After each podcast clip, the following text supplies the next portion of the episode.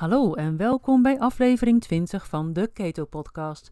Dit is een ander intro dan je van me bent gewend en dat komt omdat ik de naam veranderd heb. Niet van de podcast, maar van mijn bedrijf. En we gaan weer terug naar de oude vertrouwde naam Ketogeen Instituut Nederland. En dat betekent dat ik een nieuw intro nodig heb. En daar ben ik mee bezig, dus vandaar dat we nu dit keer een aangepast intro hebben. In juni zal de Keto Podcast een nieuw intro en ook een nieuw outro krijgen. In deze aflevering spreek ik met onderzoeksjournalist en auteur Gary Taubes. En omdat het interview in het Engels is, uh, kun je op YouTube het interview bekijken met ondertiteling en de link vind je in de show notes. Veel plezier met het interview met Gary Taubes.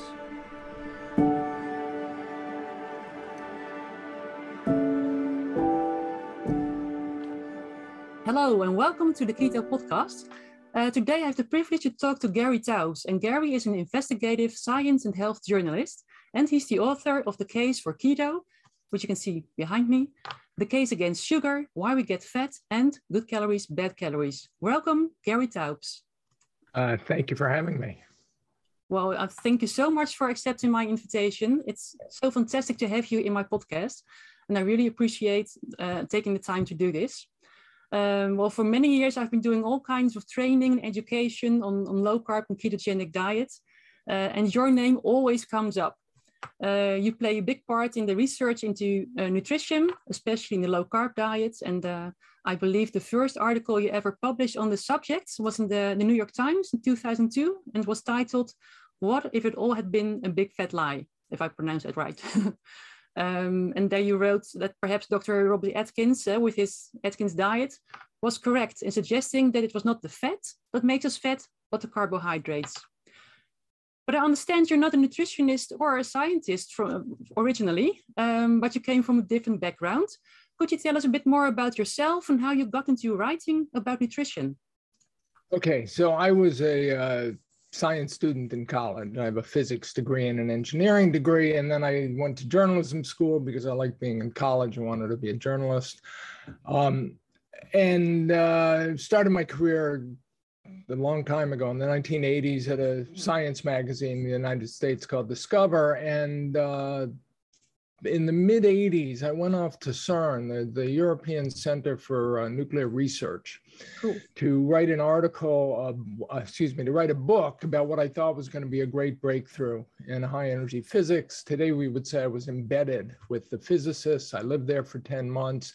And I watched the physicists realize that they had screwed up and that they had made a mistake and how they had made a mistake and that there was no great breakthrough and instead it was an embarrassment.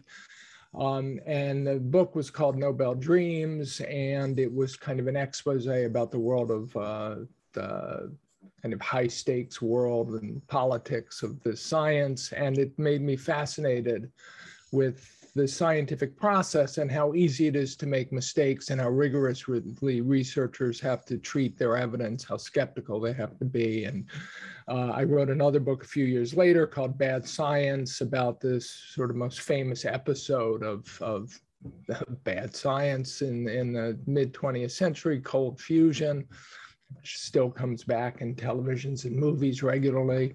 Um, and in the 90s, I got into sort of public health research. Uh, my friends in the physics community said if I was interested in bad science, I should look at the stuff in public health because it's so bad. And they were right, and I did. And uh, by the late 90s, I was writing uh, these investigative articles for the journal Science about some of the fundamental tenets of uh, modern nutritional thinking. So the idea that that uh, high blood pressure, hypertension is caused by consuming too much salt. Um, the idea that uh, heart disease is caused by consuming too much saturated fat in the diet.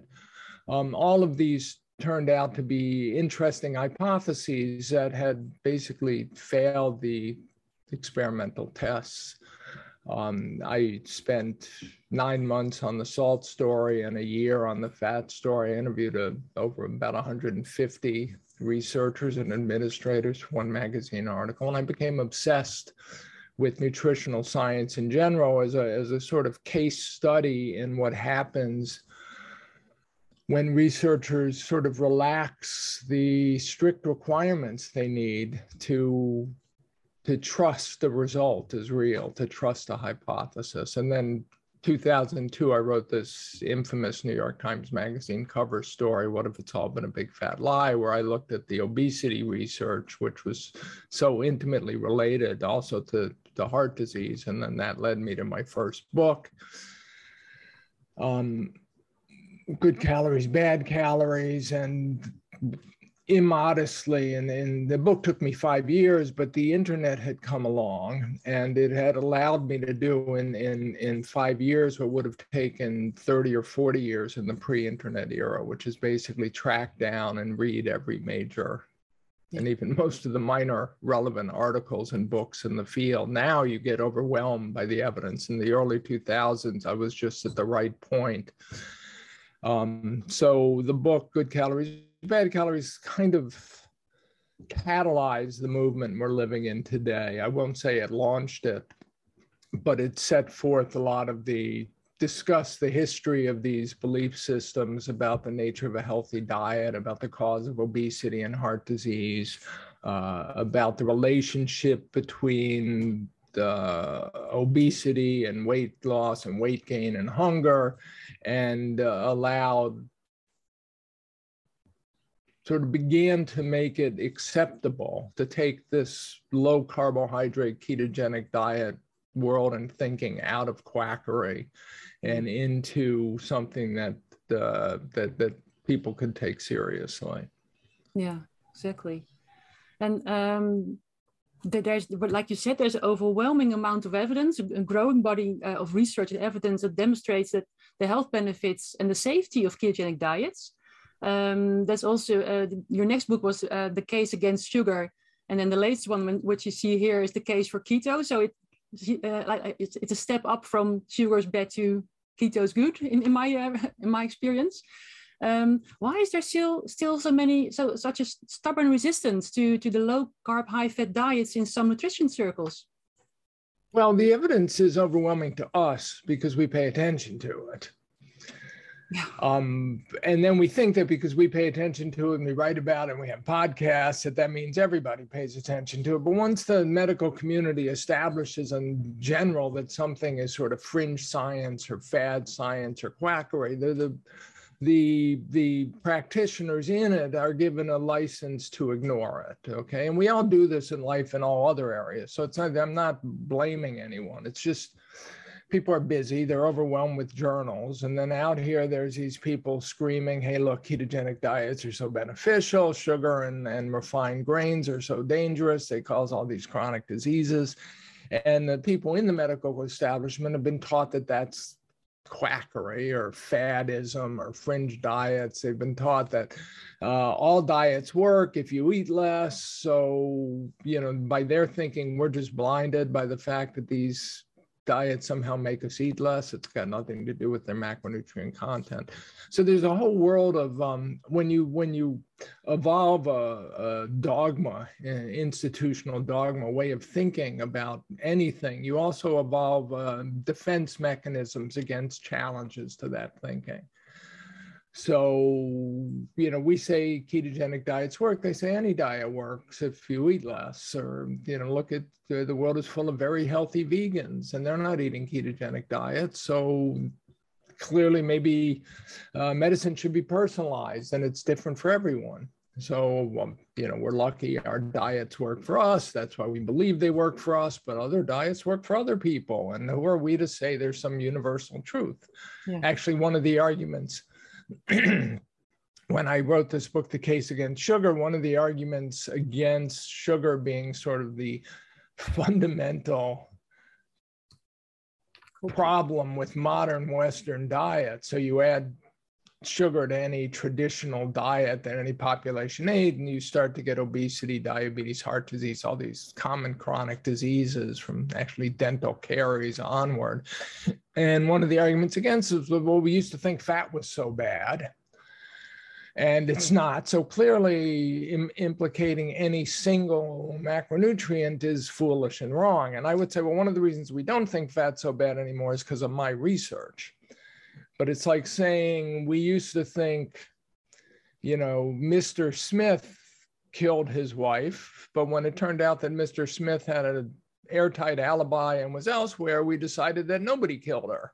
Hmm. Or it was a multifactorial complex murder, and we can't expect anyone to explain it because, you know, if, if you get the wrong suspect, it doesn't mean there wasn't another suspect. But so you've got a lot of defense mechanisms out there. People spend their whole lives believing something. Nobody likes to think that what they believe is wrong. If everyone they know believes that this is the essence of groupthink, also.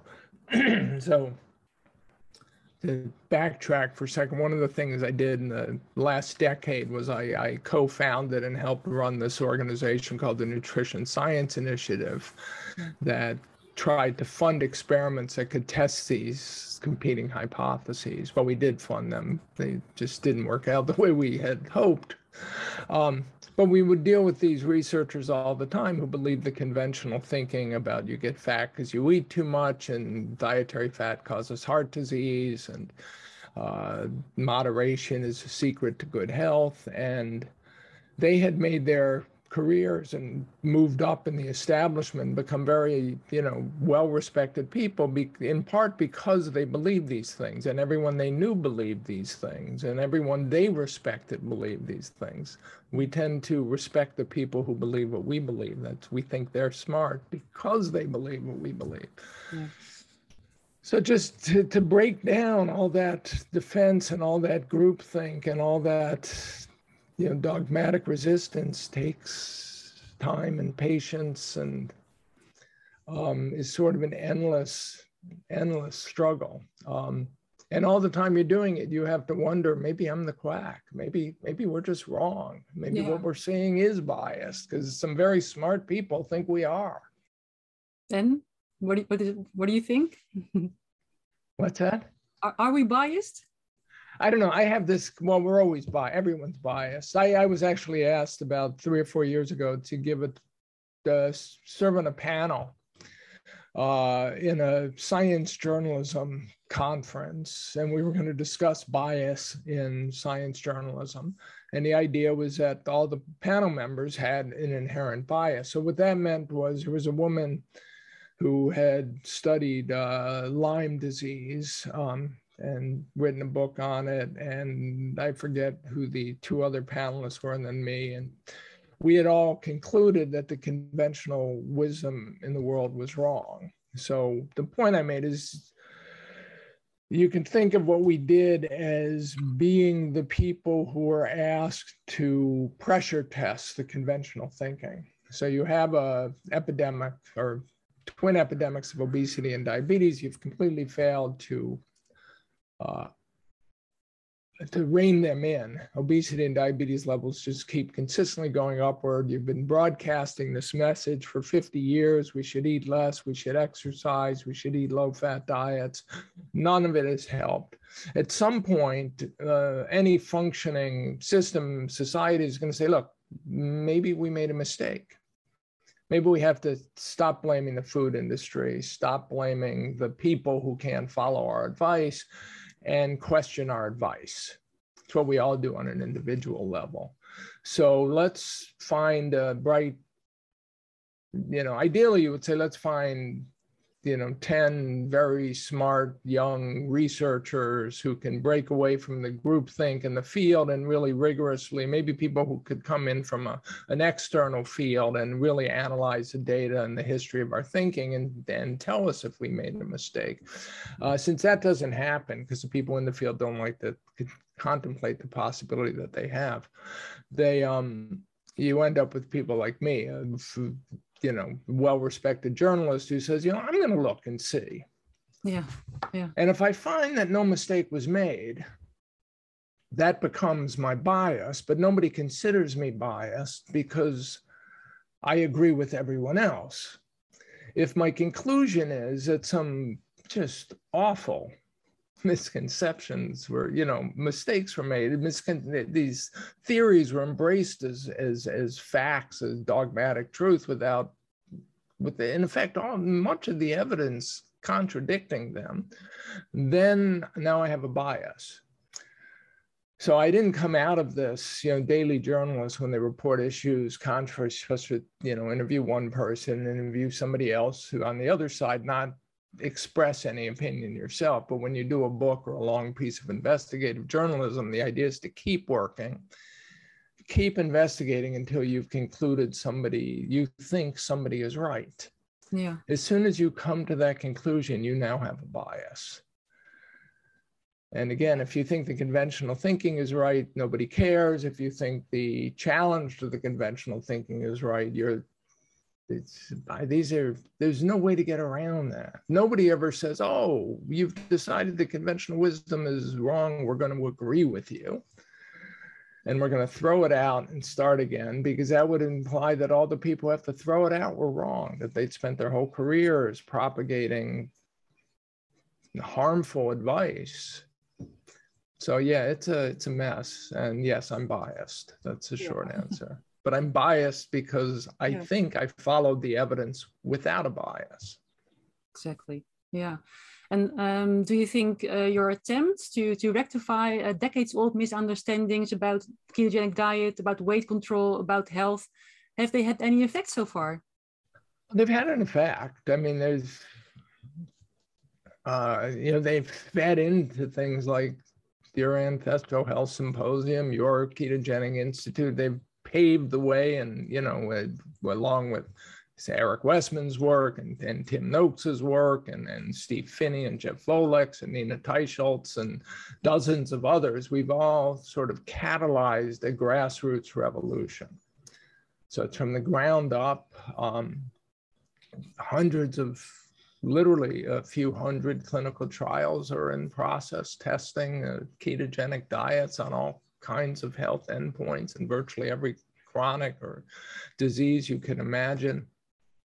Um, you know, but we're still a tiny percentage of the community. We're still on the fringes of the medical community. We're still the, well, actually, there are even, there's, I'm going to say there's even more positive signs lately. The American Diabetes Association recently accepted that low carbohydrate and even very low carbohydrate diets were acceptable therapies for diabetes. This is after 100 years of insulin therapy, they're suggesting for the first time that that these are they're not telling people to eat that way. They're not saying they should be the only way to eat. They're kind of still thinking this is a sort of personal choice and maybe everybody's different but they're accepting it because they're accepting it. The American Heart Association is now accepting um, these diets. Again, what was you know considered quackery 20 years ago. Um, the messages being conveyed in a public health basis also have to change, and they they aren't. And simultaneously, so part of the message here is, you know, the the causes of the common chronic diseases that kill us in the 21st century world are the modern additions to old diets. So primarily sugars and refined carbohydrates and maybe vegetable oils or seed oils and processing in general. Um, that's part of the message. So you've got to get that message out there. People want to be healthy, they have to avoid these foods and they're difficult to avoid because they're basically in you know what's available everywhere if when you're hungry or shopping. Um, the other part of the message is if you suffer from one of these metabolic disorders if you're thinking of being one of your patients then what should you do to treat it? And now it's not enough to just avoid these foods but maybe go as far as the argument, the case for keto, many of us just have to move to this very low carb, high fat diet as the sort of only way to fix the problem. But while we're arguing for that and arguing that the primary evils in modern diets are the processed and refined carbohydrates, you have a large and powerful movement now arguing for plant based diets and vegan diets based on the idea that the animal agriculture is so bad for the environment that based on inadequate evidence suggesting it's bad for health and you know the ethical belief that I can't challenge that we shouldn't be eating or using you know sentient beings for our own, you know, uh, yeah. benefit. So while we're arguing the primary problem with modern diets is refined grains and sugars, and maybe the healthiest diet is a carb, highly carb restricted diet, which is easiest to do with animal products because meat, fit, you know, animal foods tend not to have carbohydrates in them other than dairy. Well, it's going to be one of my next questions. So, is, is a ketogenic diet sustainable for the environment? And is it even possible to, to do a plant based ketogenic diet? Because that's a question I get often. Um, but you just answered that already. So, well, and I do know people. I mean, and when I say it's easiest to do with animal foods, you know, if you're being told, uh, I like Eric Westman's phrase about this. He says it's not you know, you are what you eat. It's you should eat what you are. Yeah. Okay, and what you what we are are mostly protein and fat, uh, mostly fat and some protein, and then most animals are mostly protein and some and fat. And so, if you want to eat mostly protein and fat, eating animal products is the easiest yeah. way to do it. Um, you know, you argue we evolved to eat this way for the most part. Agriculture, plant-based agriculture is a is a new uh, rel- you know, on evolutionary scales in addition to modern diets, but um, to human diets. Mm-hmm. But now we have this large movement arguing that the primary problem with modern Western diets for both health and the environment and ethically is the meat, is the, the animal products, and that we should avoid them. And I think you can eat a plant i know you can eat a plant-based ketogenic diet because i know people do it very smart thought it takes a lot of work and a lot of thought but it can be done is it as healthy as a animal-based ketogenic diet. Yeah. I would doubt it but it can that can be tested. Um, it probably never will be. So that'll be up to the you know the people have to make decisions you know what's more important to them. Um, yeah, exactly. I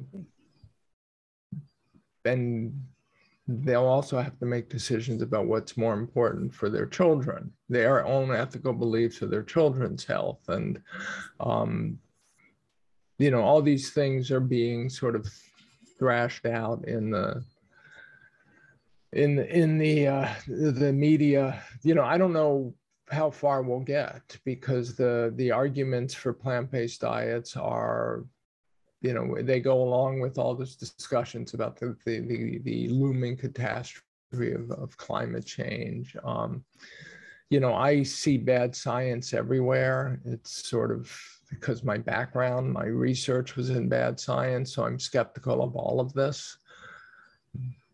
But it is what it is, and we're going to be living with it for a long time. So, all of us who choose to continue to eat animal rich diets are going to have to deal with the fact that you know this ever growing movement that what we're doing is is both morally and ethically unacceptable. Yeah. And bad for us which is of course a little bit crazy because we have the best sense of whether we're healthy or not. Yeah. Yeah exactly. Because um would you, with all the research you've done all the books you've written all the articles you've written would you say with full faith that a ketogenic diet is safe for everyone or for, for most people? Um I, I would say shifting to a ketogenic diet you're fundamentally changing the fuel supply in which your body's running so the transition to a ketogenic diet is, you know, can can be tricky, and you should have a physician's guidance and make sure you're doing it correctly. And you should read the books. Go down the rabbit hole was a phrase I often heard, so you understand what you're doing, why you're doing. When you recommended that you take, you know, for instance, sodium or drink broth or take magnesium, you understand why that's necessary. So that kind of radical change in diet can always come with problems. Um, it's unfortunate, but this was always the case. Even again, I'm writing a book now on the history of diet and diabetes, and and you know this was always read prior to the the discovery of insulin and insulin therapy, when uh, in effect ketogenic diets or very low carb diets were the only meaningful therapy for diabetes. If you shifted someone onto a high fat diet quickly, you would have problems. Yeah. And the physicians who cared about this, the diabetologists of the era back in the 1920s, came to think dietary fat was bad for us because they would see patients shifted so quickly into a ketogenic diet that it did trigger diabetic ketoacidosis. These are patients lacking insulin who were, you know, near death anyway. Um. So that kind of transition is always difficult. Once you've transitioned, no, I mean, it's clearly a healthy way to eat. And I think one of the things that prompted my research when I started, when I wrote that first New York Times Magazine article, was researchers had finally decided to study this diet that had been around for a couple hundred years. Um, and done the clinical trials and the clinical trials confirmed that not only was it a safe way to eat it appeared to be a healthier way to eat than the low fat diet that the american heart association was telling americans to eat at the time and is still mostly telling us to eat. Yeah. So yeah it's safe but you know i'm always a little it, it, if you know what you're doing you yeah. have to know what you're drastically changing your diet requires you know being being thoughtful about how it's done and being you know um, careful to pay attention to, to signs and symptoms that, that might emerge from this transition. Yeah perhaps seeking some guidance uh, in, in the process. Yeah. One one uh, a question i get asked really often is um, uh, that there are claims that the ketogenic diet is not safe or doesn't work for women What's what's your what's your view on that? The idea that it doesn't work for women is is more that it doesn't might not work as well for weight loss for women, and particularly um, as women age and go through, um, you know, experience uh, uh, menopause. The there tends to be weight gain that's mostly unrelated to diet. So again, this is one of the arguments that I've made in my books all along that obesity and fat accumulation is hormonally regulated, and, and some of the evidence for that always came from, um, you know, the effect of estrogen and and and, and women's uh, men and women's sex hormones on fat accumulation. So we know, you know, men and women fatten differently. We fatten in different places. When you go through puberty, you know, boys lose fat and gain muscle, women gain fat this is all um, the effect of sex hormones. And as women, uh, you know, go through their 40s and into their 50s, they're secreting significantly less estrogen, and that tends to upregulate fat accumulation. Um, estrogen works to dampen the action of the enzyme that the hormone insulin uh, upregulates, the technical term, this enzyme lipoprotein lipase that pulls fat into fat cells. So I can believe that it's the, the argument I make in my books is that the link to diet, the link between fat accumulation diet goes primarily through the carbohydrates and the hormone insulin or insulin and glucagon, if I wanted to get more complicated. And if you want to minimize the effect of diet on fat accumulation or, or maximize the effect of diet on weight loss, you've got to dramatically lower insulin levels. Basically, you give up carbs. Short story is carbs are fattening. But if your fat accumulation is also being driven by these other hormonal factors, that'll have less of an effect. So you would expect on so I'm not surprised when I hear that women say it's harder. Yeah. When I ask physicians, so for the case for keto, I interviewed over 120, excuse me, um, physicians who had shifted to our way of thinking about this and who thought the most important thing they could do for their patients is sort of wean them off these carbohydrates in their diet and get them onto something like a very low carb, high fat ketogenic diet they, for the most part, insisted that they did not see women having more difficulty than men. That it was, yeah, you know, I was surprised because I I assumed they would. But again, it's I I have um you know I'm in my 60s. I have many women friends in their 50s, and they do struggle.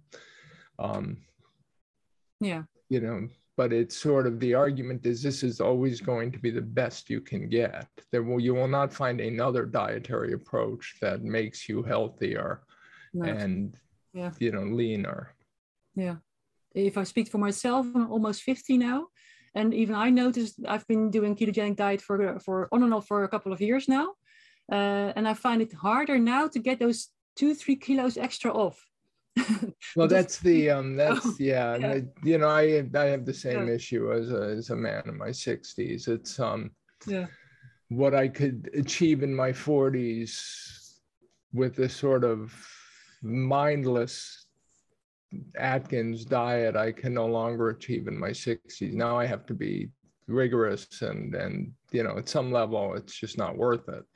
Um, I mean, who really cares about the extra two to three kilos? But they're there, and I'm aware of it. So, yeah. and that's you know, testosterone also um, promotes. Well, it inhibits that same enzyme. It tends to do it in the in the gut. With women, it, these hormones tend to work most below the waist. Um, in men, it's above the waist. And so, as you get older and you secrete less testosterone, men tend to put on fat you know, belly fat. And, um, you know, it can be, I mean, if I felt like looking like a male model, I, I don't think I could get there in many different ways, but I could get closest if I was, you know, yeah. as strict as that. But it's a lot harder now than it used yeah. to be. Yeah. Would you really want that? Huh? yeah. Those troubles. Well, I could talk to you for hours and hours, uh, but we've been uh, almost for an hour speaking to each other now. Um, one final question. If there are critical doctors or dietitians out there listening to this podcast and would really like to know more about ketogenic diets uh, for weight loss and for health for, for themselves or their patients, where can they start their research? Where would you tell them to, to go for more information?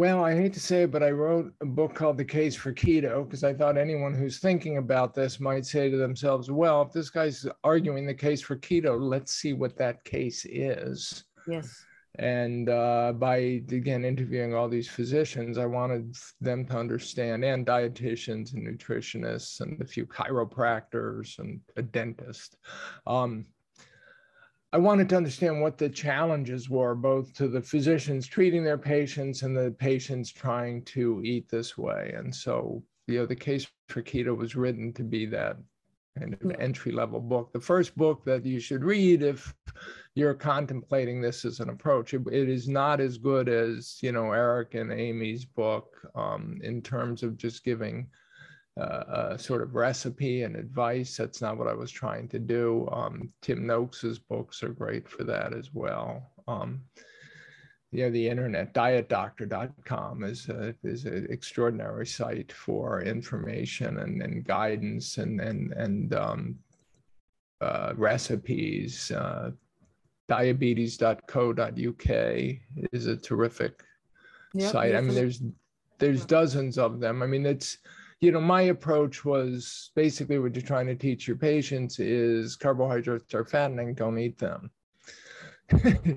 basically. You know it's sort of so i tend to shy away from giving recipes or percentage of calories as carbs because it's sort of the idea is you're trying to more or less rigidly abstain from these foods because they're not good for you.